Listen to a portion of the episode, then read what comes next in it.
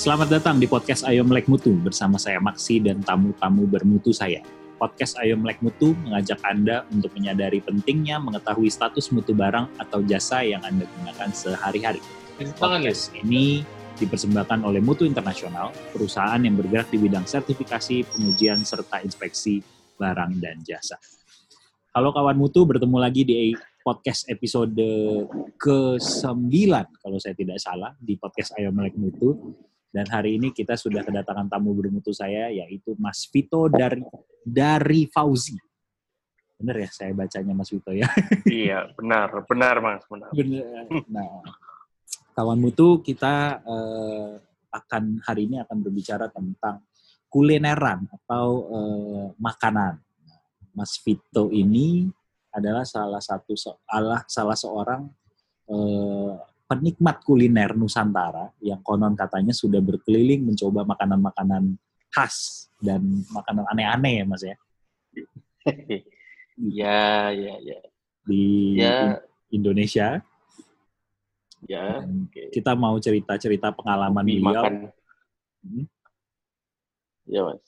Kita mau cerita-cerita pengalaman beliau dan juga beliau adalah seorang pengusaha di bidang kuliner dari dari hobi makan akhirnya jadi bikin usaha di bidang kuliner. Nah, Mas Vito apa kabar? Baik, Mas. Maksih Baik. gimana? Sehat juga. Sehat. Nah, ini eh, banyak ini WFH atau WFO sekarang. Cenderung WFO. Oh, cenderung WFO. Iya. Walaupun yang lain kerja dari rumah udah masuk kantor ya Mas. Iya, karena enggak memungkinkan WFH, jadi ya WFO lah.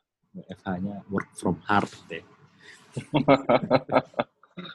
nah, Mas Vito, eh, hobi untuk kulineran berarti bener ya Mas ya? Iya, saya hobi makan emang. hobi makan, menikmati makanan. Jadi nggak cuma makan sih, saya pikir. Hmm. Apa bedanya itu Mas? menikmatinya. Ya kalau cuma makan itu karena gini, Hmm. kalau saya ngajak teman makan gitu, enak nggak? Hmm. Ya makanan ya gitu-gitu aja enak. Hmm. Kalau saya tuh menikmati, oh ini asinnya begini, ada manisnya, oh bumbunya kok kayak gini ya, beda-beda. Jadi beda-beda itu yang sebenarnya saya nikmatin. Oke. Terus, Jadi ya cuman sekedar tidak sekedar kenyang, tidak sekedar Ah. kenyang. Jadi kalau saya tuh lebih kepada menikmati rasa. Hmm. Kalau memang niat uh, menikmati ya, bukan sekedar makan makan siang, makan malam enggak. Jadi saya cenderung senang menikmati rasanya. Oh, ini asinnya ketemu Hmm. manis bumbu ini, ketemu asin bumbu ini. Hmm. Oh, jadinya kayak gini toh.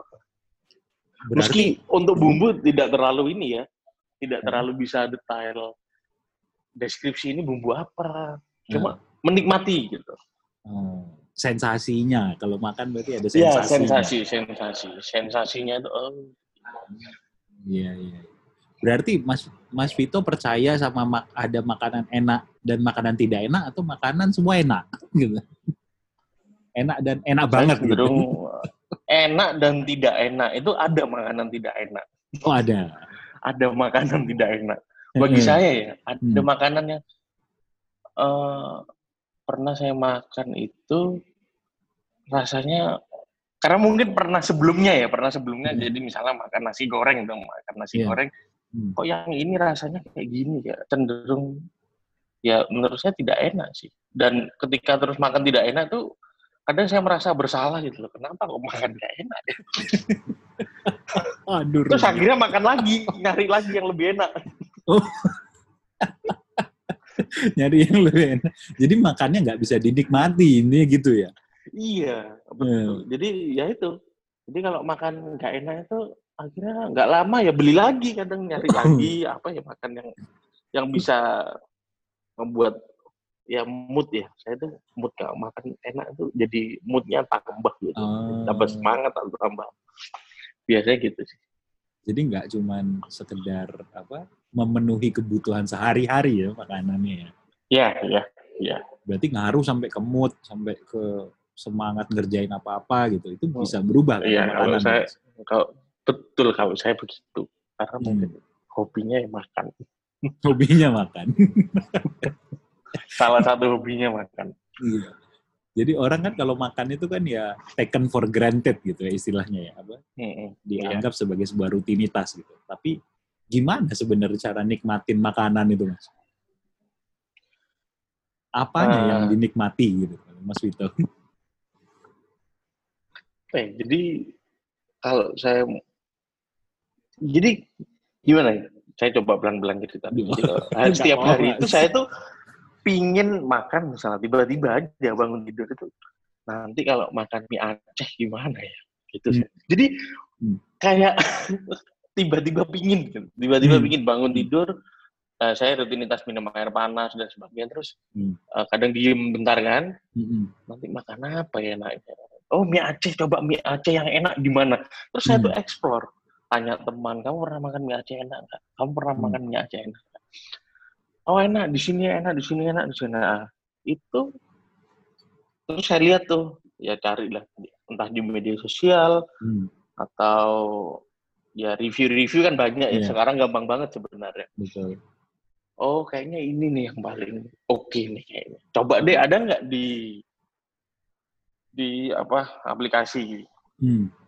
Eh, ya semacam Pesan online gitu yang ya. sudah ada tuh oh, online ya oke Mm-mm. Eh, aplikasi online oh ada nih coba deh kan Hmm. saya kerja jadi bisa sekarang kan dikirim kan Mm-mm. Nah, jadi kalau siang itu terus saya makan yang saya pinginin sebelum berangkat itu saya udah Hmm. berencana ini. Hmm. Nah, ketika makan itu, ya saya tuh, oh mie Aceh, iya, yang saya pinginin tadi itu Hmm. rasanya begini tuh ternyata mie Aceh. Hmm. Misalnya pedesnya, oh yang ini kayaknya kepedesan nih buat saya nih. Hmm. Ya kan karena rasa itu juga subjektif ya, tidak Betul. semua orang sama kan. Oh asinnya ini kayaknya lebih lebih terlalu asin dibandingkan saya mungkin pernah makan mie Aceh tuh sebelumnya. Hmm. Hmm. Hmm. Nah, cuma ini yang yang saya beli hari ini tuh biasanya tidak sama yang sebelumnya. Jadi saya cari kayak cari explore baru lah Hmm. gitu. Ya. ya. Oh, ini lebih pedes, mie-nya lebih kenyal, Hmm. terus bumbunya lebih kental. Tapi kayaknya kok kurang pas ya. Hmm. Nah, kalau kadang kurang pas, Mas, saya malam ngulang lagi tuh beli mie Aceh di mana. Eh. Nyari lagi. Kalau bisa didatengin tempatnya, saya datengin. Tapi kalau Hmm. enggak, ya udah cari di aplikasi online aja. Ini kayaknya enak. Dan sampai nemu, itu kadang saya tiga hari loh mas makan mie Aceh. Penasaran. Penasaran, yang enak Iya. yang mana ya? Terus tanya temen lagi. Hmm. Jadi sampai akhirnya, oh ini yang pas ke lidah saya tentunya. Oh, ini Hmm. enak, ini pedesnya pas. Mie-nya, mie Aceh itu kan cenderung misalnya lebih besar-besar gitu kan mie-nya. Hmm. Hmm. Terus bumbunya agak kental tapi tidak terlalu kental. Oh Hmm. ini yang enak. Akhirnya itu jadi patokan tuh. Oh ini yang enak buat buat saya. Hmm. Gitu. Jadi kalau Hmm. suatu saat pingin lagi, oh yang itu aja. Hmm. Ya, ya, ya. Sehingga proses eksplorasi itu akhirnya menemukan eh, kecocokan sendiri gitu ya, menemukan Iya, sesuai lah ini dengan saya, kira gitu ya. iya, Berarti benar dong mas. Apa, kalau kata orang you are what you eat gitu. Kamu adalah yang kamu makan gitu ya. Betul Ada- juga itu. Ada- Ada pengaruh nggak dengan ke, ke apa karakteristik gitu mas? Suka seleranya Mungkin- suka pedes gitu, tapi memang ya orangnya memang mulutnya pedes juga gitu. Mungkin ya, saya itu ya tidak terlalu sangat suka pedas ya, tapi Hmm, hmm, hmm. suka lah suka. Tapi Hmm. bukan pedas yang membakar. Kalau teman saya itu ada teman saya itu makan pedas ini kayak ini gimana rasa pedas kayak rasa bumbu lainnya semuanya cabai. Saya enggak. Saya suka pedas yang ya standar. Hmm. Pun mungkin ya kalau ngomong saya juga kayaknya kata teman-teman sih ceplos-ceplos sih. Namanya mulutnya pedes juga. ya saya nggak tahu itu kebetulan atau enggak tapi oh iya juga. Salah gimana ya? Memang ya daripada bertele-tele ya Hmm, saya cenderung ya udahlah ngomong apa adanya. hmm. Mas Vito suka Ah, makan pedas itu Hmm. ya. Lanjut lanjut mas. pedas. Iya, pedas itu kalau terlalu pedas bagi saya juga tidak bisa menikmati. Saya nggak bisa menikmati bumbu lainnya. Hmm. Hmm. bagi saya ya. Jadi Iya, kalau udah terlalu pedas, wah ini gimana rasa yang lainnya. Hmm. Tapi saya suka. Kalau ditanya suka pedas, saya suka. Hmm. Saya suka pedas. Balance tapi perlu gitu ya. Balance dengan Ya, perlu. heeh. Iya, iya.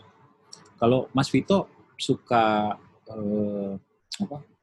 Jajan pinggir jalan gitu apa explore gitu juga gitu atau explore-nya yang enak-enak aja gitu Mas. Enggak juga. Kadang gorengan gorengan yang pinggir jalan saya juga akhirnya nemu yang enak ya misalnya. Hmm. Oh ini nih yang menurut saya ini rasanya paling oke.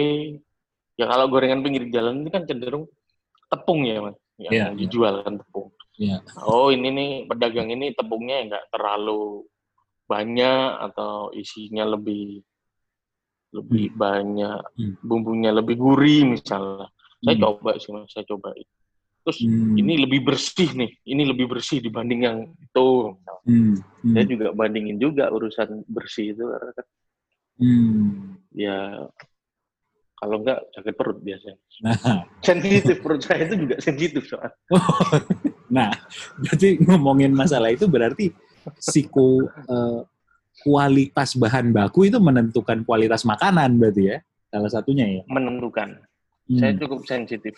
Misalnya seafood Hmm. kalau tidak fresh gitu, Hmm. saya langsung gatal mas di bibir atau tangan itu gatal langsung Hmm. otomatis. Hmm. Saya cenderung merasa oh ini kayaknya kurang bersih nih. Eh, Hmm.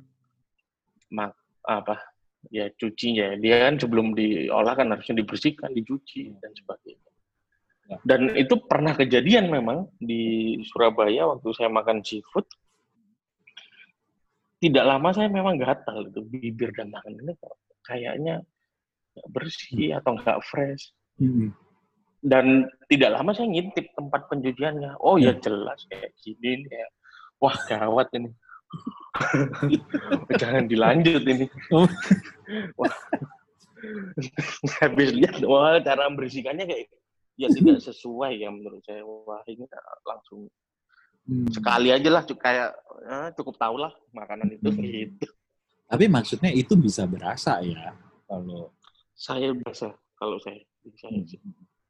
jadi kualitas mu- kualitas bahan makanan gitu iya eh, itu berpengaruh pada masakannya sendiri gitu hasil akhirnya ya. betul betul sangat sangat pengaruh buat saya sih Hmm. ada yang masaknya sederhana tapi kalau dia bahannya bagus Eh, pencucian atau sebelum dimasak bersih ya pasti enak juga kok Hmm. Iya, iya. ada Ketika beralih Ya. menjadi pengusaha, Mas, pengusaha di bidang kuliner Ya. ya. Ya. Pengusaha bidang kuliner. Boleh promosi kok, Mas, di sini. oh iya siap. Karena tahu ada yang mau mesen usahanya apa, Mas, waktu itu?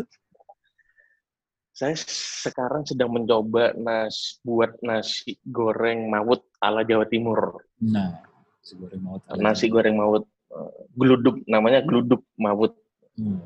Bisa kalau di. Instagram ada tuh namanya Iya. geluduk mawut Nah, geluduk ini kan petir mas heeh. Eh, petir Kenapa Jawa. petir, Mas? Pedes. saya tuh awalnya mau nasi mau namainnya itu kan nasi goreng duk duk Hmm. tapi ternyata kayaknya duk duk ini udah umum apa ya yang duk duk oh geluduk ya tiba-tiba saya tulis Hmm. aja geluduk aja deh. Gitu. Nasi goreng geluduk. Tapi beberapa teman sih yang nyoba yang pedesnya sih emang nyamber katanya. Oh, ini pedes Hmm. banget ya. Tapi saya balancekan dengan bumbu memang.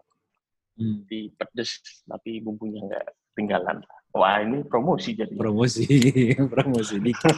Colongan, colongan. Nah, berarti kan pakai banyak rempah, banyak cabe gitu kan. Biasanya kan ya makanan pedes tuh kan rentan sakit perut atau apa gitu Mas ya. Orang Ya. biasanya gitu. Nah, eh, Mas gimana cara menjaga si kualitas bahan baku tuh? Karena tadi kan bahan baku tuh penting tuh gitu kan. sampai hari ini kalau saya yang jual nih, saya kan Mhm. turun langsung. Jadi karena masih awal, Mm-mm. saya tuh turun langsung saya ke pasar, saya cari Hmm. bahan yang eh, misalnya sayur aja. Sayur itu sebenarnya kalau di nasi goreng tidak terlihat.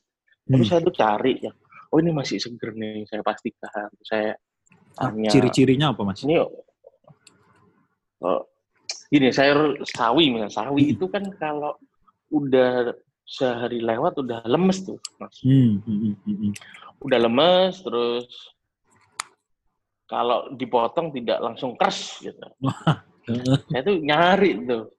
Bawa pisau.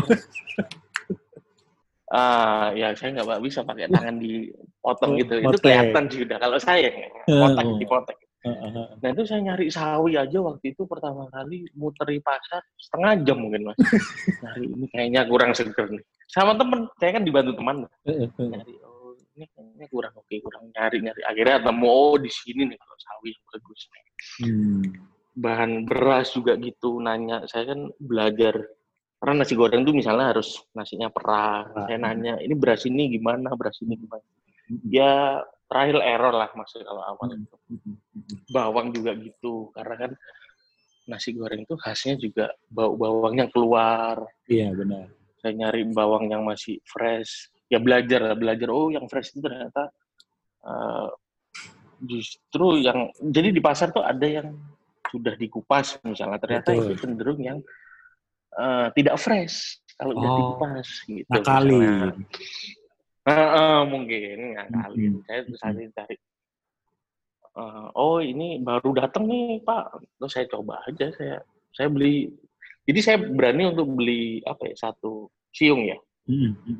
Hmm. Saya beli deh saya buka. Jadi saya potek bener. Oh baunya ini fresh ini kelihatan. Terus saya beli. Jadi itu kalau saya ya di jualan terus nyari sampai ke packaging itu juga saya perhatikan apa ya kak? Jadi saya jualan itu juga uh, asalnya dari pengalaman gitu loh. Jadi kalau saya pesan hmm. makanan, hmm. kadang datang itu kan, ya mohon maaf, styrofoam gitu kan. Yeah, Padahal yeah, styrofoam yeah. kalau sama sama makan panas itu cenderung tidak disarankan dan tidak sehat betul, kan. Betul, betul. Jadi saya cari uh, tempat apa ya yang enak, yang aman lah, yang aman yeah, untuk yeah. makanan. Terus sendoknya biar nggak plastik gimana saya nyari satu satu ya pelan pelan sama teman saya itu sampai hmm. ini nih kayaknya bagus nih cobain aja satu yang aja kayak gitu kayak gitu hmm. saya belajarnya dari pengalaman terus kalau habis makan tuh kalau di kantor ya misalnya yeah, yeah. harus ada yang keburu kalau harus cuci tangan kadang gimana jadi saya akhirnya berikan di makanan saya itu tisu basah. Jadi oh, full ya, minimal. Ya. Jadi habis makan itu ya langsung bersih, bersih. dulu lah sebentar oh. lah sebelum dia ke kamar mandi misalnya. Iya iya iya. Jadi pengalaman-pengalaman yang saya beli makan bungkus lah ya bungkus itu take iya, away. Ya, ya, Kadang kurang bagi ya, saya kurang gitu. Kenapa ya kok nggak dikasih tisu misalnya? Hmm. Kenapa kok kenapa bungkus sendoknya eh kenapa sendoknya sendok garpunya tuh langsung dimasukkan gitu aja di kresek hmm, hmm, hmm. atau yeah. plastik kenapa nggak dibungkus dulu kan bisa lebih bersih. Nah, dari situ akhirnya saya kemarin coba jualan seperti itu. Bisa hmm. ya? Ternyata ya bisa juga. Dan kalau misalnya hitung-hitungan bisnis, masih hmm. masuk kok. Masih oke okay kok. Nah, okay. Udah. Jadi sebenarnya ya sama teman saya akhirnya saya mau kayak gini nih. Harusnya iya, iya. makan itu nggak cuma makan tapi ya bersih gitu loh. Iya, bersih iya. bagus misalnya warnanya karena senada ya kebetulan coklatnya dapat bagus semua ada warna coklat oke hmm. juga ini dan akhirnya memang yang beli sih uh, bilang packagingnya oke banget hmm. Karena Tapi kan itu memang... karena pengalaman juga sih. Dari pengalaman saya selama hmm. ini beli makanan take away, bungkus. Uh-huh. Kadang, duh ini kok kayak gini ya bungkusannya. Padahal makanannya enak. Iya, iya, iya. iya. Hmm, karena gitu. karena kan uh, ada orang kan selalu bilangnya ada harga, ada barang gitu kan. Dapat kualitas, yeah. dapat barang membuat bahan-bahan makanan dari bahan berbahan baku berkualitas pasti kosnya mahal dong gitu. Iya, yeah, iya. Yeah. Tapi sebenarnya masih masuk ya hitungannya. Masuk kemarin itu saya awalnya kan hitungannya masih misalnya nasi goreng itu berapa hmm. sih kalau buat 10 porsi itu habisnya modalnya berapa? Hmm. Terus kalau packagingnya yang kayak saya mau itu berapa hmm. sih? Hmm. Ternyata masih oke okay kok, sangat oke okay. dan saya berarti bisa lah ini. Untungnya Oh. juga marginnya oke, jadi tidak yang terus mepet banget. Iya, iya, iya. Enggak, saya justru lihat, oh iya ini masih bagus nih dengan kualitas yang saya berikan dibungkus Oh. satu-satu. Jadi setelah Dengan harga jual juga, rice, uh, uh, harga jual juga ya oke. standar. Juga Oh. oke lah, standar. Standar. Hmm. Setelah saya cek itu standarnya segitu. Oke. Jadi justru ya akhirnya saya senang tuh mas. Jadi saya jualan kemarin kan baru pertama nih, seumur hidup kayaknya saya jualan langsung nih baru kemarin membuka membuka nasi goreng ini. Iya. Tapi saya justru puas ketika eh, dari milih bahan awalnya saya bisa milih sendiri, Hmm. kualitasnya yang saya saya susah kalau ngomong harus bagaimana. Saya kayak punya standar gitu loh mas. Iya, iya, iya. yang itu oh ini oke ini oke terus akhirnya jadi nasi goreng terus dibungkus Hmm. terus dikirim makanya setiap saya tanya ke teman-teman yang pesen itu gimana datangnya oke nggak bungkusannya eh packagingnya dan sebagainya masih Hmm. bersih masih oke oke oke Nah, jadi saya butuh masukan juga dan saya puas karena Hmm. apa yang saya inginkan tuh ya tereksekusi kemarin Hmm. gitu Hmm, hmm, hmm, hmm. dan bagi saya sih ya ya dengan perbaikan-perbaikan terus ya saya tuh, Iya, oh, oke, bisa bisa Berarti permasalahannya itu sekarang adalah dari eh, kemauan si produsen ya. Apakah dia sebenarnya mau ya kalau saya pikir Hmm.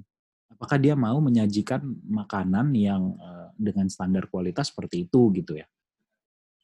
ya Hmm, saya pikir bisa hmm, karena secara hitung-hitungan toh dan harus sih mas Hmm, iya dan Kenapa, harus Mas? sih harusnya sih ya gimana kalau kita sekarang nih misalnya lagi saya kemarin juga mikir waktu kenapa harus pakai kertas semua atau sendoknya kayu yang itu paling tidak Hmm. bisa mengurangi plastik sampah hmm, Nah, kalau kita bisa membantu sedikit, kenapa tidak?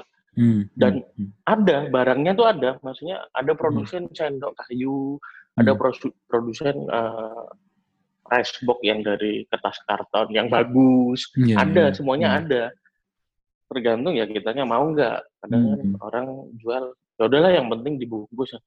Iya, Awalnya saya juga gitu, udahlah pakai yang kayak biasanya aja. Hmm, Terus hmm, akhirnya iseng saya explore aja, oh, ada nggak ya yang saya mau, saya yang saya bayangin ini ternyata ada, penyedianya ada, providernya ada, hmm, dan nggak mahal. menyediakan bahan-bahan dan sebenarnya tidak mahal bagi saya.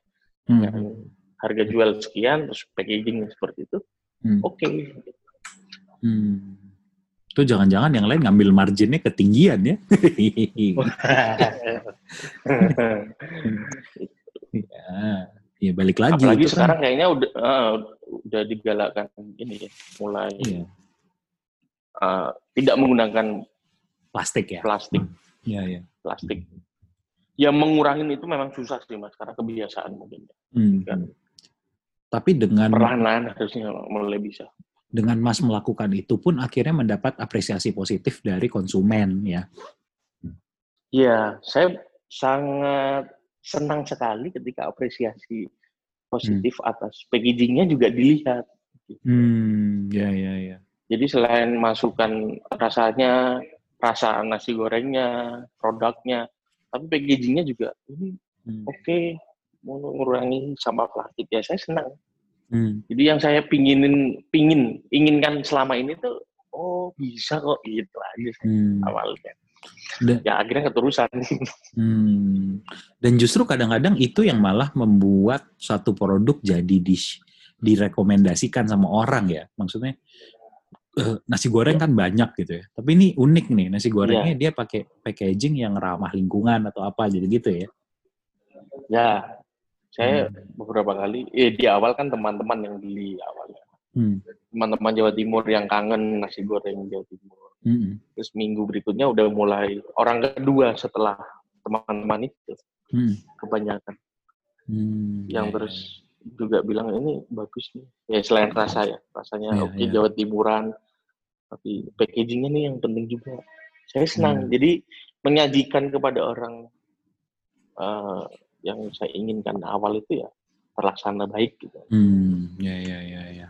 Berarti ini tuh mengokohkan bahwa sebenarnya makan itu bukan pemenuhan kebutuhan biasa, tapi itu bisa jadi suatu experience atau pengalaman ya, yang full gitu. Ya. Gak cuman ya. gak cuman pada saat lagi makan ya, tapi kayak gimana makanan itu dibungkus, gimana disajikan, ada nilai apa di dalam, itu juga mempengaruhi untuk uh, ke terhadap user juga gitu ya, terhadap iya. konsumen yeah. juga ya. Iya. Ya, iya. Mas Vito ini kebetulan uh, waktu kita uh, terbatas untuk uh, rekaman. Ya. Uh, okay. Aku me, mungkin Mas Vito uh, apa ya uh, boleh mem, boleh berbagi dan uh, apa namanya mengajak teman-teman yang lain untuk uh, juga uh, apa sih untuk melakukan hal yang sama dalam artian tetap menjaga mutu barang, mutu packaging, mutu bahan bahan eh, baku dan itu sebenarnya bisa loh gitu untuk dilakukan gitu. Yeah. Mungkin ada pesan-pesan untuk uh, teman-teman yang mungkin sedang berusaha untuk uh, merintis bisnis kuliner gitu. Iya. Yang pertama kalau bisnis kuliner mulainya itu kebersihan sih bagi saya. Hmm, hmm. Kebersihan dulu. Hmm. Karena mau makanannya ya mungkin saya enak apa pun, tapi kalau prosesnya tidak bersih, yang kasihan kan juga konsumen.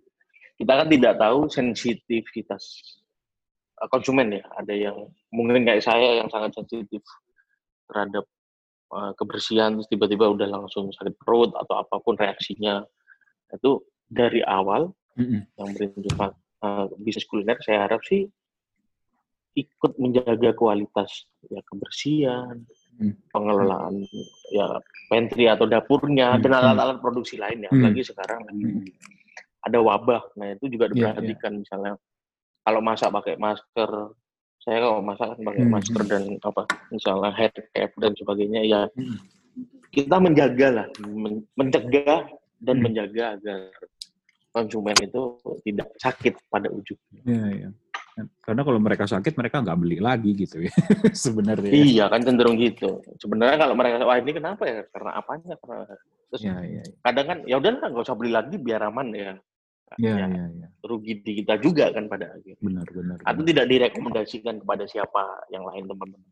Iya, rugi di situ sih ya, benar-benar. Hmm. Jadi, Jadi kebersihan itu bagi saya nomor satu sih. Oke, okay, oke. Okay. Okay. Aspek apa lagi mas yang penting selain tadi kebersihan?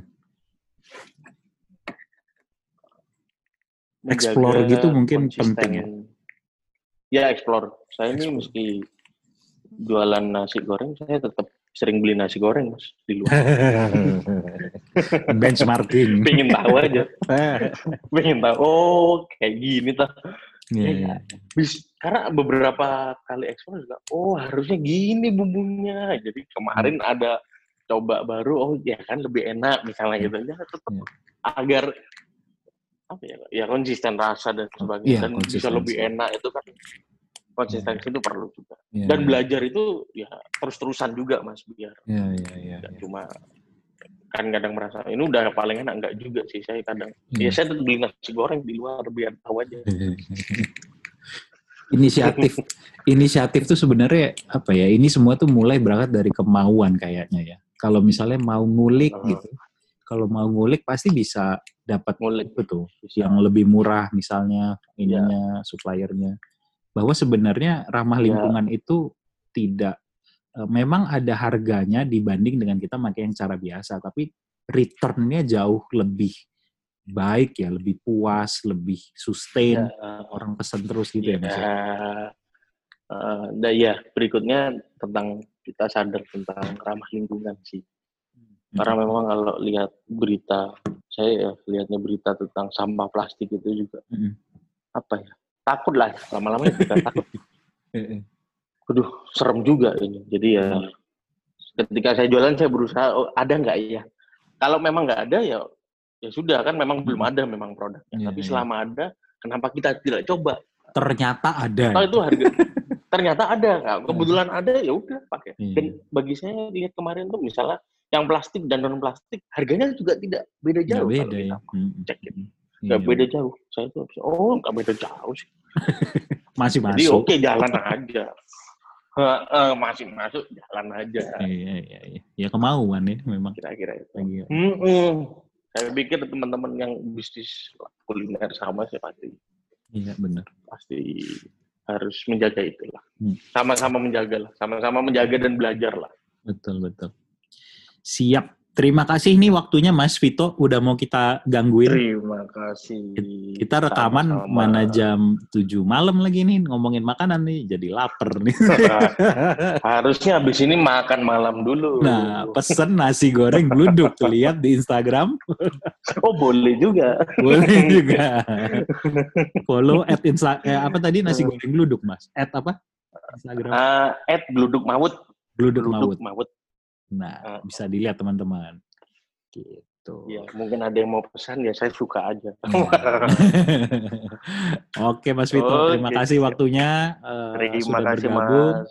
Terima kasih sudah sharing dengan kawan Ya. mutu. Mudah-mudahan kawan mutu terinspirasi Ah. dan eh, timbul kemauan bahwa ada cara untuk membuat barang kita menjadi berkualitas, bahkan yang kita produksi pun berkualitas sehingga dikonsumsi secara berkualitas oleh masyarakat. Terima kasih Ya. Mas Vito atas waktunya. Terima kasih kawan mutu. Kita Terima kasih juga Mas. di episode selanjutnya. Dadah.